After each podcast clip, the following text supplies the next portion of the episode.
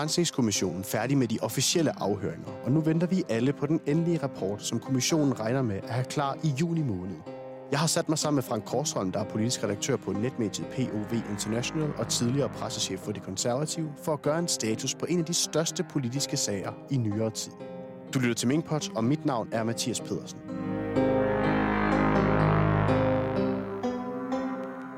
...74 vidner på 32 dage i Grænsningskommissionen.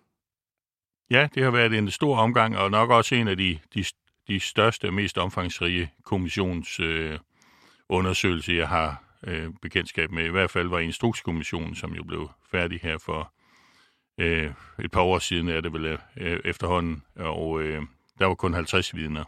Vil du umiddelbart mene, det her, fordi det er jo første gang, jeg dækker sådan en kommission her, vil du vurdere, at det her det er nok en af de absolut største, der nogensinde har været?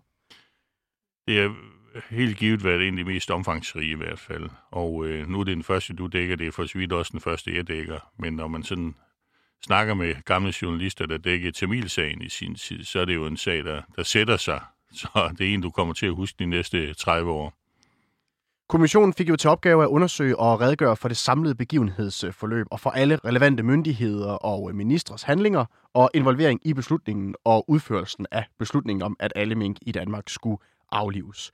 Og hvis vi bare lige starter med begivenhedsforløb, som de jo kalder det i kommissoriet, hvad sidder vi så tilbage med efter de mange øh, afhøringer her af, af indtryk, altså i forhold til det begivenhedsforløb, der var tilbage i, øh, i efteråret 2020? Ja, man sidder jo...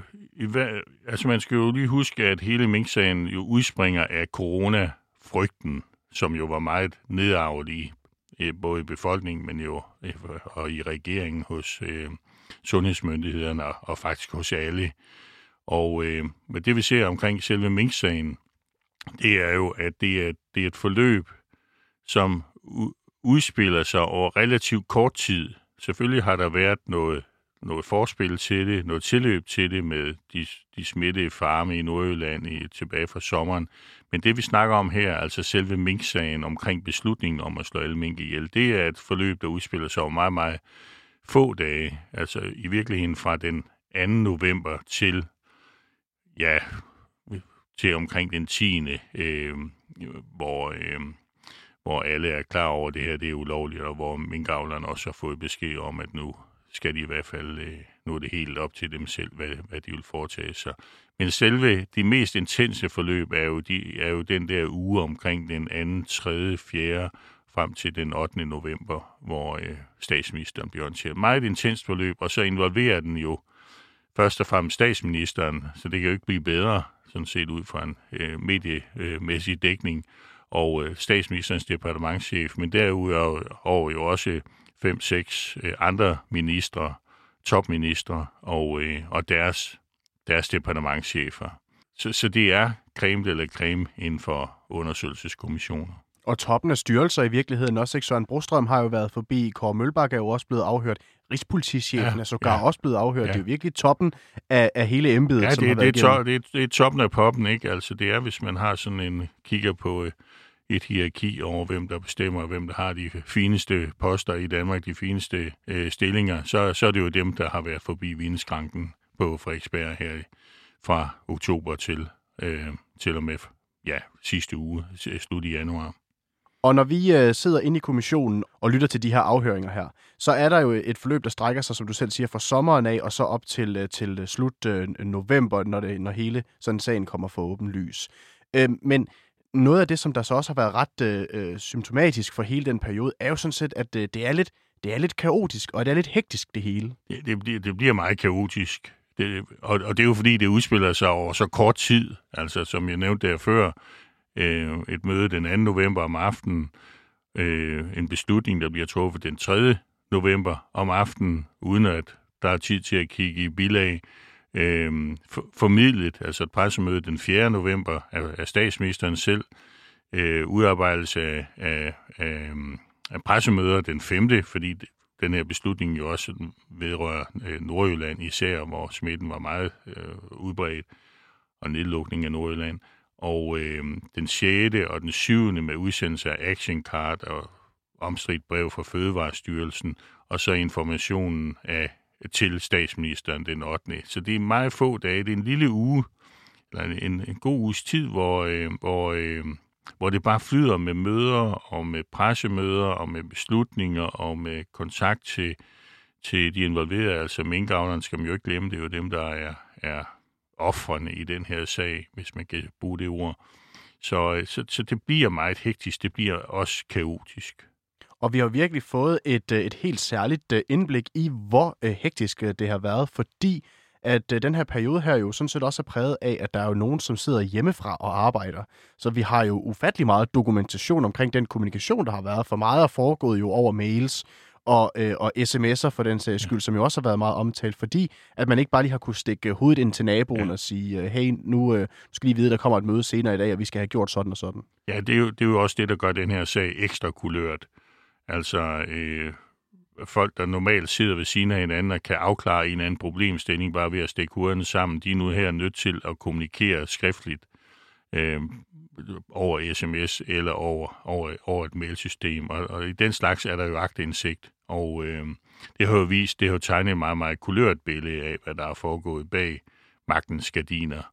Øh, og det er jo det, som er det gode ved den her sag, set fra et mediemæssigt synspunkt, og for så vidt også offentligt synspunkt, det er jo, at, at øh, man får det her indblik i, hvordan bliver store beslutninger egentlig truffet. Hvad, fordi nogle gange har man måske befolkningen en en øh, forventning om, at, at beslutninger ligesom bliver truffet ud fra, at der er nogen, der har trukket gardinerne ned til Finansministeriet eller til Statsministeriet, og så kører de store regnmaskiner hele natten, og så kommer der en eller anden konklusion ud til sidst. Her får vi jo ligesom syn for savn for, hvad, hvad er det egentlig, hvad er det egentlig, der sker? Hvad er det for et, i det her tilfælde jo et relativt løst grundlag også til sider, der, der bliver truffet beslutning på. De har også haft til opgave at skulle undersøge alle relevante myndigheder og ministers handlinger og involveret i hele beslutningen. Og man kan jo sige, at øh, de mest sådan eller de ministerier, der har været sådan mest involveret, har jo været øh, Fødevareministeriet, det har været Sundhedsministeriet, det har været øh, til dels også Erhvervsministeriet, og så Statsministeriet.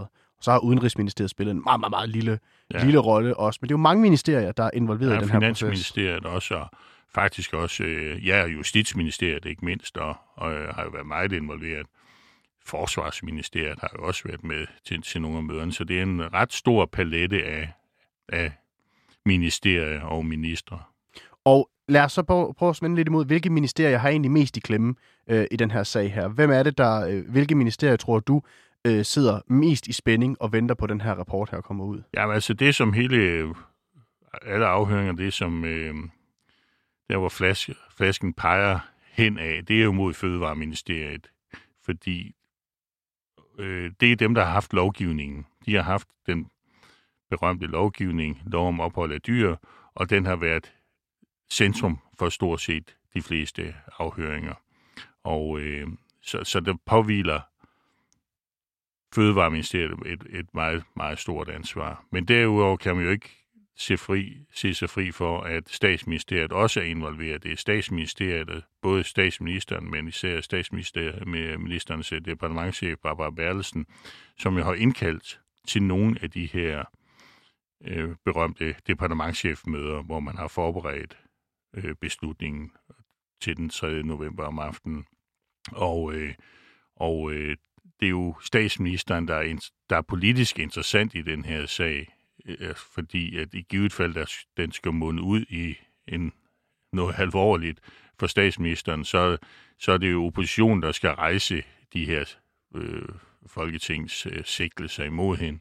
Så det er jo hendes skalp, som er, altså det er hende, der er i risikozonen. Fødevareministeren, den gamle fødevareminister Mogens Jensen, har jo betalt prisen og er jo gået af som følge af den her sag, fordi der tegnede, det trak op til et mistillidsvotum imod ham, og den kunne, han ikke, øh, den kunne han ikke stå imod. Så lad os parkere statsministeren lige for en stund, og så vende tilbage til, øh, til statsministeren, fordi det er, jo det, det er jo det, måske langt de fleste jo går og venter på. Hvad kommer kommissionen til ligesom at sige omkring øh, deres rolle i hele sagen? Så lad os lige parkere dem for en stund, og ja. så lige uh, kigge mod nogle af de andre ministerier, fordi øh, man kan jo nok heller ikke komme udenom, at Justitsministeriet jo også har spillet en øh, stor rolle i og med, at de stod jo øverst på sagen, der blev fremlagt på mødet i koordinationsudvalget den 3.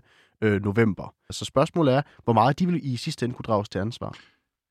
Altså, det er meget svært at sige, hvilket ansvar de kan pådrages. Men, men de har jo koordineret, og øh, nu har man sådan en tendens til sådan at se sådan en minksag sådan isoleret, hvad der er, der kommer frem der. Men den skal jo ses, minksagen skal jo ses i hele corona-håndteringen i virkeligheden. Og for de få mennesker i kongeriget, der har brugt lidt tid på at, at læse for eksempel Grønnegårds, øh, Jørgen Grønnegårds øh, rapporten omkring regeringens mink, eller ikke mink, øh, coronahåndtering fra starten der i, i øh, starten af marts og så til, til udgangen af, af april, der vil man også kunne se, at regeringen opretter et kriseberedskab i Justitsministeriet. Man opretter simpelthen en enhed i Justitsministeriet til at skal koordinere de forskellige ministeriers coronaindsats. Der opstod den ene og den anden lov øh, hurtigt efter hinanden. Epidemiloven blev lavet om som noget af det, eller som det første. Og, øh, og, øh, men der kom jo 40, over 40 hastelovgivninger igennem året, og der øh, øh, kom jo alle mulige, alle mulige ting, som, øh, som man aldrig havde troet, øh, vi skulle opleve i, altså i Danmark, indskrænkning af forsamlingsfriheden og, og øh, nedlukning af natteliv og restauranter osv. osv. Alt sådan noget skulle jo, skal, jo have, skal jo være lovhjemligt, og øh, det har man altså så koordineret igennem øh, Justitsministeriet. Meget af lovgivningen har jo ligget i Sundhedsministeriet. Det er jo en sundhedsrisiko, vi har været udsat for med hensyn til coronakrisen. Men altså noget så altså også i, i Fødevareministeriet. Men alle ministerier har været involveret i, i øh, coronahåndtering. Og det er altså så blevet koordineret i Justitsministeriet.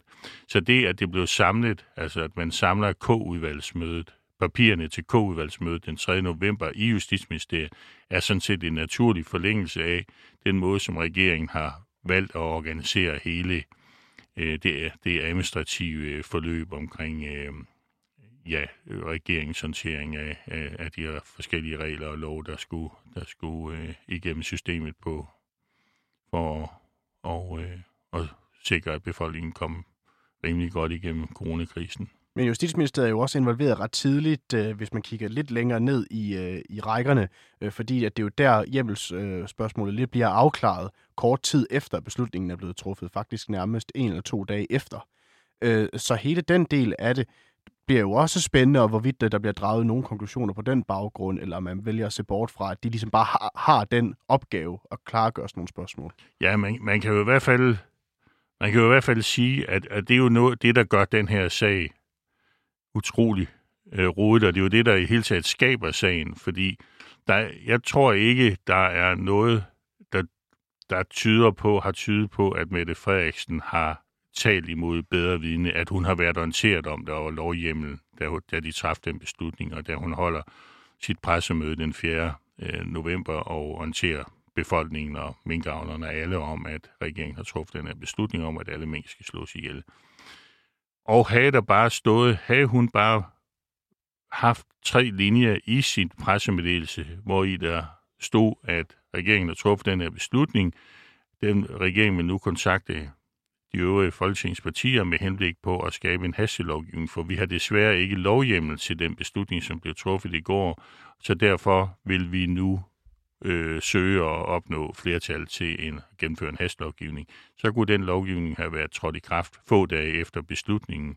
Men, der, men det siger hun jo ikke. Det kommer jo ikke med i hendes talepapir, for, og det gør det jo ikke, fordi Justitsministeriet og Fødevareministeriet, Fødevarestyrelsen på daværende tidspunkt er i gang med at finde ud af, om der er lovhjemmel.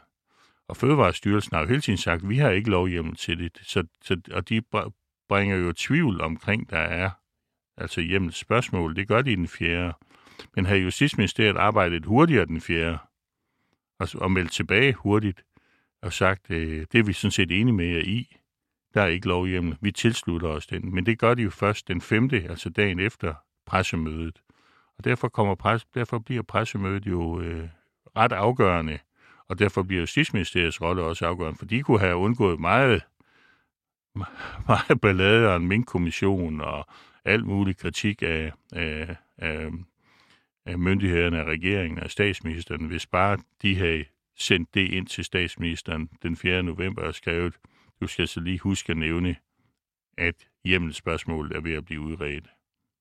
Og så spiller Sundhedsministeriet jo også en, en væsentlig rolle, kan man sige. Det har de jo sådan set gjort under hele, øh, corona, øh, under hele coronakrisen. Og vi hørte jo fra øh, minkavlernes repræsentanter fra Copenhagen Før, og de blev afhørt, at det var meget tydeligt for dem, at beslutningskraften, den lå ikke i Fødevareministeriet, som var dem, de havde den evige dialog med. Den lå ligesom et andet sted, og det er jo derfor, at de øh, beder om at få et møde med øh, SSI, altså Statens Serum Institut. Så øh, hele øh, Sundhedsministeriets del kommer nok også til at blive øh, undersøgt til bunds af kommissionen, når de skal til at skrive deres rapport. Jamen, det, det, det, det gør det. Men det er jo også en sundhedskrise, vi er i. Det er jo ikke en, hvad skal man sige, det er jo ikke en minkkrise, eller det er en, øh, en øh, udenrigspolitisk krise. Det er jo en sundhedskrise. Coronakrisen er jo en sundhed. Det er jo et spørgsmål om, at hele verden er ved at, at, at blive smittet med corona og få alvorlige sygdomme, og mange, der dør af den.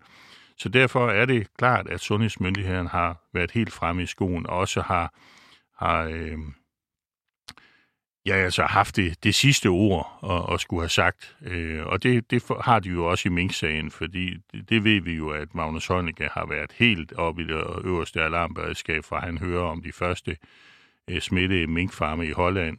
Faktisk, jeg tror, det er tilbage i maj, og så til den kommer op øh, til Danmark. Øh, vi ved jo ikke rigtig, hvordan det bevæger sig, så der er ingen, der siger, at den kommer sådan op igennem øh, ned fra Holland.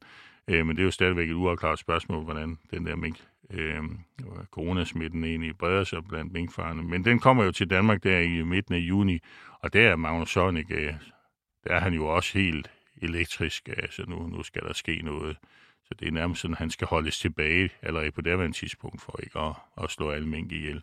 Og det er ham, der i virkeligheden i hvert fald rådgiver, om han træffer beslutningen. Det kan han nok ikke gøre alene på K-udvalgsmødet, men det er i hvert fald ham, der klart og tydeligt siger, at alle mink skal slås ihjel, og at de kigger ham jo i øjnene, statsministeren kigger ham i øjnene og siger, gælder det også avlstyrene? Ja, også avlstyrene. Og det er den del, der har været sådan lidt svær øh, at, øh, at, få klarlagt 100%, ikke? fordi der er jo ikke nogen af dem, der vil vedstå, at det er dem, der kommer med, med forslaget om, at nu skal alle mink øh, aflives, øh, altså alle repræsentanterne på, på øh, mødet i koordinationsudvalget.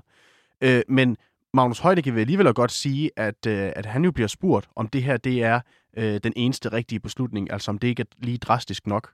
Og, ja. der, og der vedkender han jo sådan set, at han siger, øh, ikke ja. som han ser det i hvert fald. Ja, det, det står han jo fuldstændig åben ved, at han vil gøre det igen også. Altså det er han jo også blevet, det er der også flere, der har fået det spørgsmål, eller i hvert fald ikke, om ikke fået spørgsmål, i hvert fald så har haft behov for at sige det, vi vil, vi vil træffe den samme beslutning en gang til. Det tror jeg også statsministeren har sagt. Øh, men Magnus Heunicke er jo også en kulørt person her, fordi øh, han hævde jo lige pludselig en privat notesbog frem, som ingen, som faktisk ingen heller ikke engang minkkommissionen var klar over at eksistere, men den, den gjorde han dem jo bekendt med få dage før han skulle afhøre. Så det, det ændrer jo lige pludselig på forløbet, fordi, ikke fordi notesbogen som sådan var fyldesgørende, tværtimod nærmest den har bragt mere forvirring end klarhed over hele sagen. Men, øh, men det er jo det eneste forsøg på et slags referat fra det øh, K-udvalgsmøde, som jo ingen regeringer nogensinde har, har, har øh, ført referater fra. Man kan ligesom sige, at der har været lidt forskellige narrativer, alt efter hvilke ministerier de her personer her øh, kommer fra. I statsministeriet handler det jo meget om det her med, at øh, det er så den, øh, den, det er jo ministerens fagområde, og det er den minister, der har det fagområde, som også øh, er øh, juridisk ansvarlig. Det har ligesom været den, den fortælling, som er kommet ud fra statsministeriet af. Fødevareministeriet, de har jo haft en fortælling om, at det her, al den kommunikation, der har været til minkavlerne, den har været vejledende. Hvad service. Ja, det er en praktisk uh, service uh, henvendelse, de er kommet med til minkavlerne. Præcis, og at uh, beslutningen jo sådan set, ja, den var blevet truffet, men den var ikke blevet eksekveret endnu. Ja, ja. Det er ligesom det narrativ, som der er kommet fra Fødevareministeriet, øh, noget, som ikke stemmer helt overens med den fortælling, som der har været i Statsministeriet, hvor, hvor Mette Frederiksen har sagt flere gange, at det var ikke noget, Øh, det var ikke en opfordring om, at alle mink skulle aflives, da hun gik på, på pressemødet den, den 4. november. Det var et klart påbud, fordi hun jo var, øh, var overbevist om på det tidspunkt, at der var lovhjemmel til det. Så spørgsmålet er, om de her narrativer her, de kommer til at, at, at, at frontal øh, støde mod hinanden, og øh, kommissionen lige aflægger deres rapport. Ja, altså, der er jo ikke nogen i hele kongeriget, der til daglig går sådan og spekulerer på, hvem der har ansvar for, for beslutninger. Når øh, Mette Frederiksen holder et, et pressemøde, så regner man jo også med, at det, der bliver kommunikeret derfra, dels er det det er i orden, og, og dels så mener så, så har man nok sådan en, en forståelse af, at jamen, det er jo så Mette Frederiksen, det er statsministerens ansvar i det, og omfang man gør sig den tanke. Men det, der er kommet frem her, det som alle, der har fulgt sagen og interesseret sig for sagen, ligesom er blevet gjort opmærksom på, det er, at vi har en grundlov, grundlov paragraf 14, som siger, at vi har et minister- styre, et sektor, et sektorstyre i Danmark. Det vil sige, at hver ministerium er ansvarlig for sin, øh, for sin lovgivning. Den er ansvarlig i forhold til Folketinget, og den er ansvarlig i forhold til grundloven. Og det er ligesom det, der det er en narrativ, som statsministeren og som øh, statsministerens departementchef Barbara Berlsen jo gav kommissionsmedlemmerne en, en øh, meget, meget fyldig lektion i, øh, nærmest et foredrag, øh, som, øh, som jo også var, det må vi jo tage hatten af for, som var meget øh, imponerende og, og fyldte rummet og indtog rummet og, og øh, gjorde meget stort indtryk. Øh, og det er jo det, som statsministeren henholder sig til her. Det er den forklaring, hun har. Altså ja, jeg var med til mødet, og øh, det var der mange ministre, der var, og vi træffede den der, der blev truffet en beslutning på mødet om, at alle mink skulle slås ihjel, men den beslutning var i virkeligheden Mogens Jensens beslutning, altså Fødevareministerens beslutning, som havde lovgivning omkring det. Og hvis Mogens Jensen og Fødevareministeriet havde været uenige i den, fordi den ikke kunne lade sig gøre, havde været lovstridig, eller hvad ved jeg, den kunne have stridt mod internationale lov og menneskerettighedskonventioner, hvad ved jeg, jamen så kunne de jo bare sige til, enten på selve mødet, kunne departementchefen Henrik Stusgaard have ragt hånden op og sagt, det er altså ulovligt, den beslutning kan vi ikke træffe. Eller de havde jo også dagen efter ligesom til at, at reflektere over den her beslutning, og så melde tilbage og sige, at den beslutning, regeringen træffede i går, den kan altså ikke effektueres. Det må vi simpelthen ikke. Så Mette Frederiksen har haft klart, og, og Barbara Berlsen har jo haft travlt og, øh, med at sige, at øh, hele ansvaret for misæren, den ligger i Fødevareministeriet. Og det er jo ikke kun dem, der har peget på dem. Det har andre departementchefer jo også. Altså den, den drevne, den gamle departementchef Michael Dietmar fra Erhvervsministeriet, som har 6-27 års erfaring og har været med i måske 1000 øh, K-udvalgsmøder, har jo sagt det samme. Man må forvente, at det respektive fagministerium rækker hånden i vejret og, og kommer med indsigelser, hvis regeringen er på vej ud på et tidsspor og træffer en beslutning, som, som, øh, som der ikke er lovhjemmel til. Så, så flasken peger jo på Fødevareministeriet. Det, det tror jeg godt, vi kan konkludere. Men ja. det er rigtigt, som du siger, Fødevareministeriet har haft en lidt anden øh, udgave af historien. De har ligesom brugt det store ord, altså at regeringen træffer en beslutning. Og i den videre kommunikation, der kommer fra Fødevareministeriet, for eksempel holder Måns Jensen jo et, et pressemøde den, den øh, 8 eller sender nogle pressepinde til, øh, til de store medier, hvor i det står, at regeringen træffer en beslutning, og man var i den overbevisning, at, eller man valgte at fortsætte, selvom man godt vidste, at, at øh, Ja, man kunne ikke vente på den nødvendige ja, lovgivning, ja. fordi man mente, det var en nødsituation. Ja. der bliver han jo kraftigt i rettesat, Mogens Jensen, ja. efterfølgende. Ja, fordi der inddrager han også regeringen. Der forsøger de jo også ligesom at skubbe den lidt øh, væk fra sig selv. Men spørgsmålet er, om, om, øh, om om kommissionen jo i virkeligheden ender med at købe den forklaring, som regeringen, eller som statsministeren jo forsøger, og statsministeriet ligesom forsøger at komme ud med, med det sektorministerielle ansvar. Øh, fordi at der er jo sådan set også, der er jo også nogle juridiske eksperter, der har været ude og sige, at hvis man medvirker til en beslutning, så kan man også blive draget til ansvar. Ja, men, altså det er, du, det er du ret i. Det er jo der, hvor nogle af grundlovens paragrafer måske sådan stører lidt ind i hinanden, fordi i grundlovens paragraf 14, som vi er inde på, det er sektoransvar, altså det var Fødevareministeriets ansvar. Det er der ingen tvivl om. Det har det været. Men så stører det måske så ind i, i, øh, i øh, ministeransvarlighedslovens paragraf 4, der, der, som siger, at hvis du er medvirkende til at træffe en beslutning, som der så senere kommer kritik eller viser at være ulovlig, jamen så kan du også inddrages, så kan du også medinddrages i, i den beslutning, altså gøres ansvarlig for den. Og det er jo hele det der, det, der står på spil her, det er jo ministeransvarlighedsloven. Har du brudt ministeransvarlighedsloven, for har du det, så er det, du kan risikere den ultimative, øh, altså den ultimative straf for det. Der er nogle forskellige øh, bøjninger i det, men øh, og, og, og, øh, og det bliver jo sådan lidt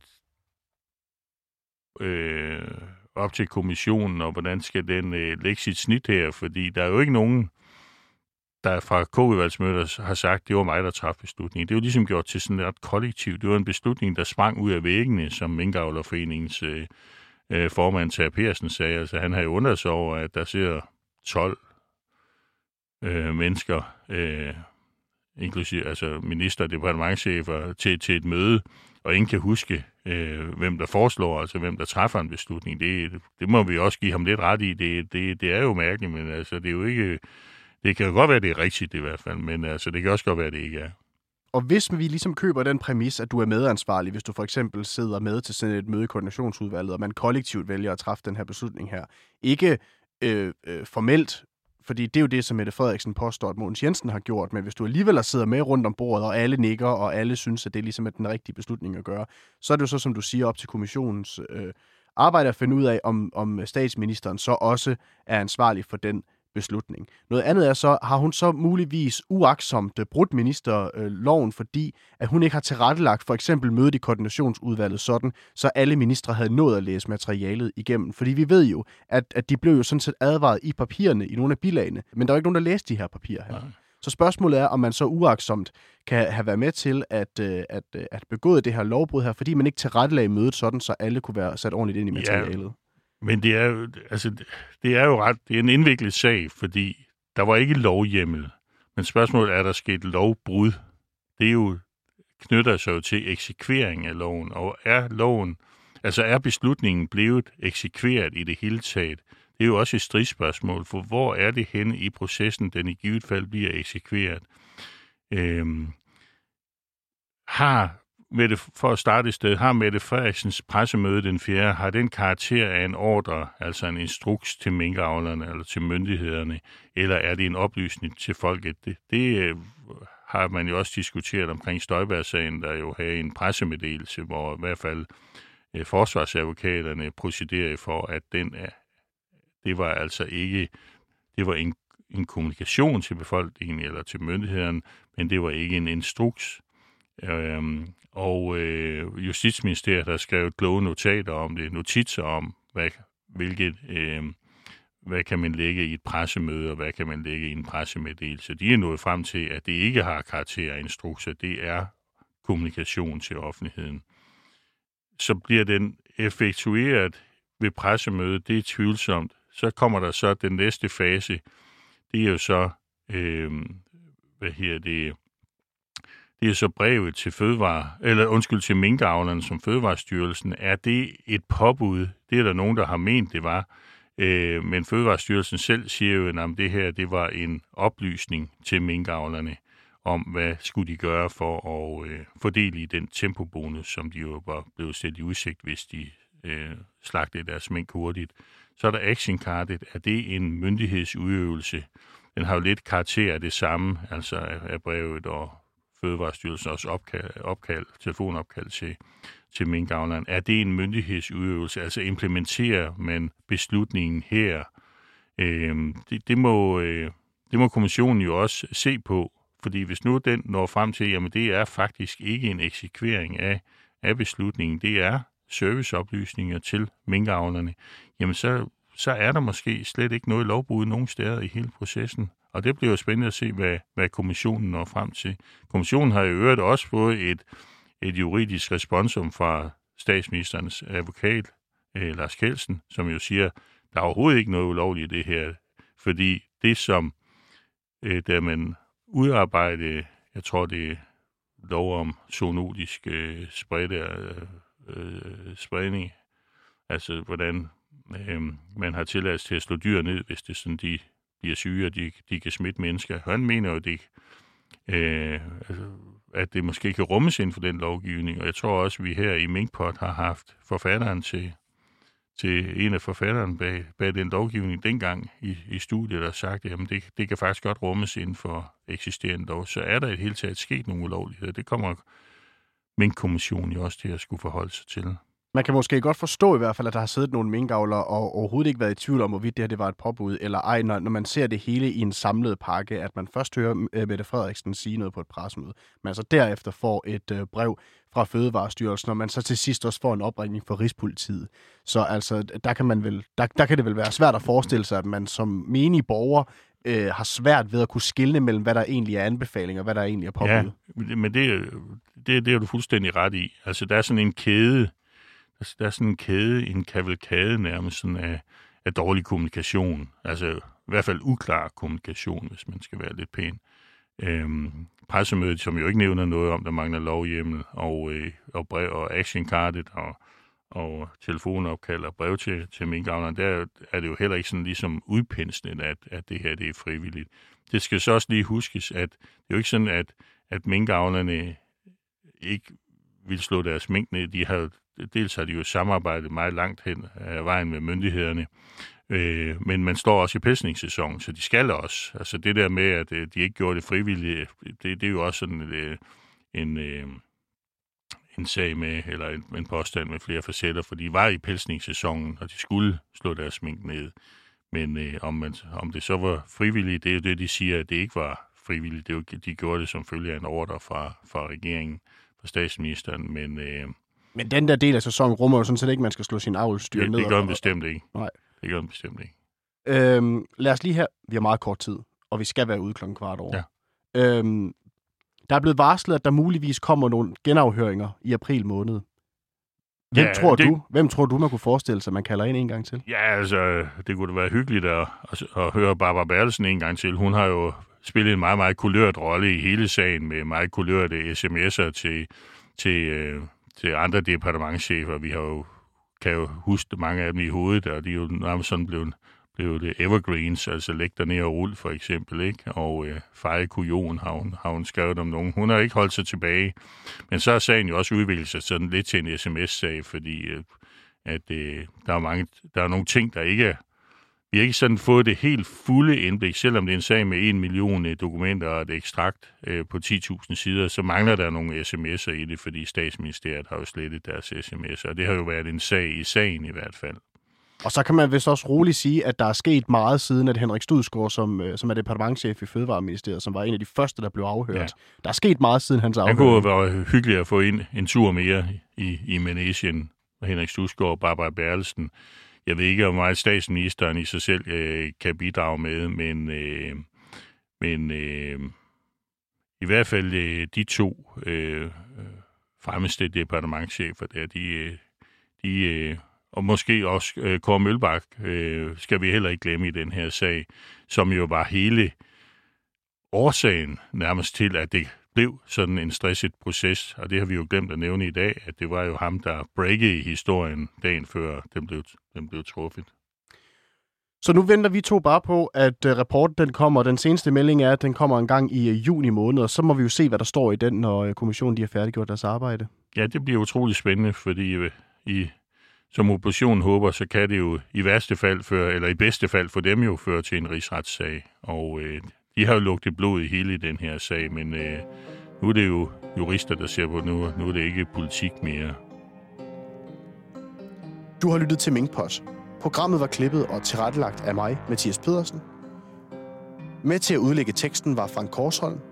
Musikken var lavet af Peter Christian Sejersbøl, og redaktør var Pola Rosenbakker.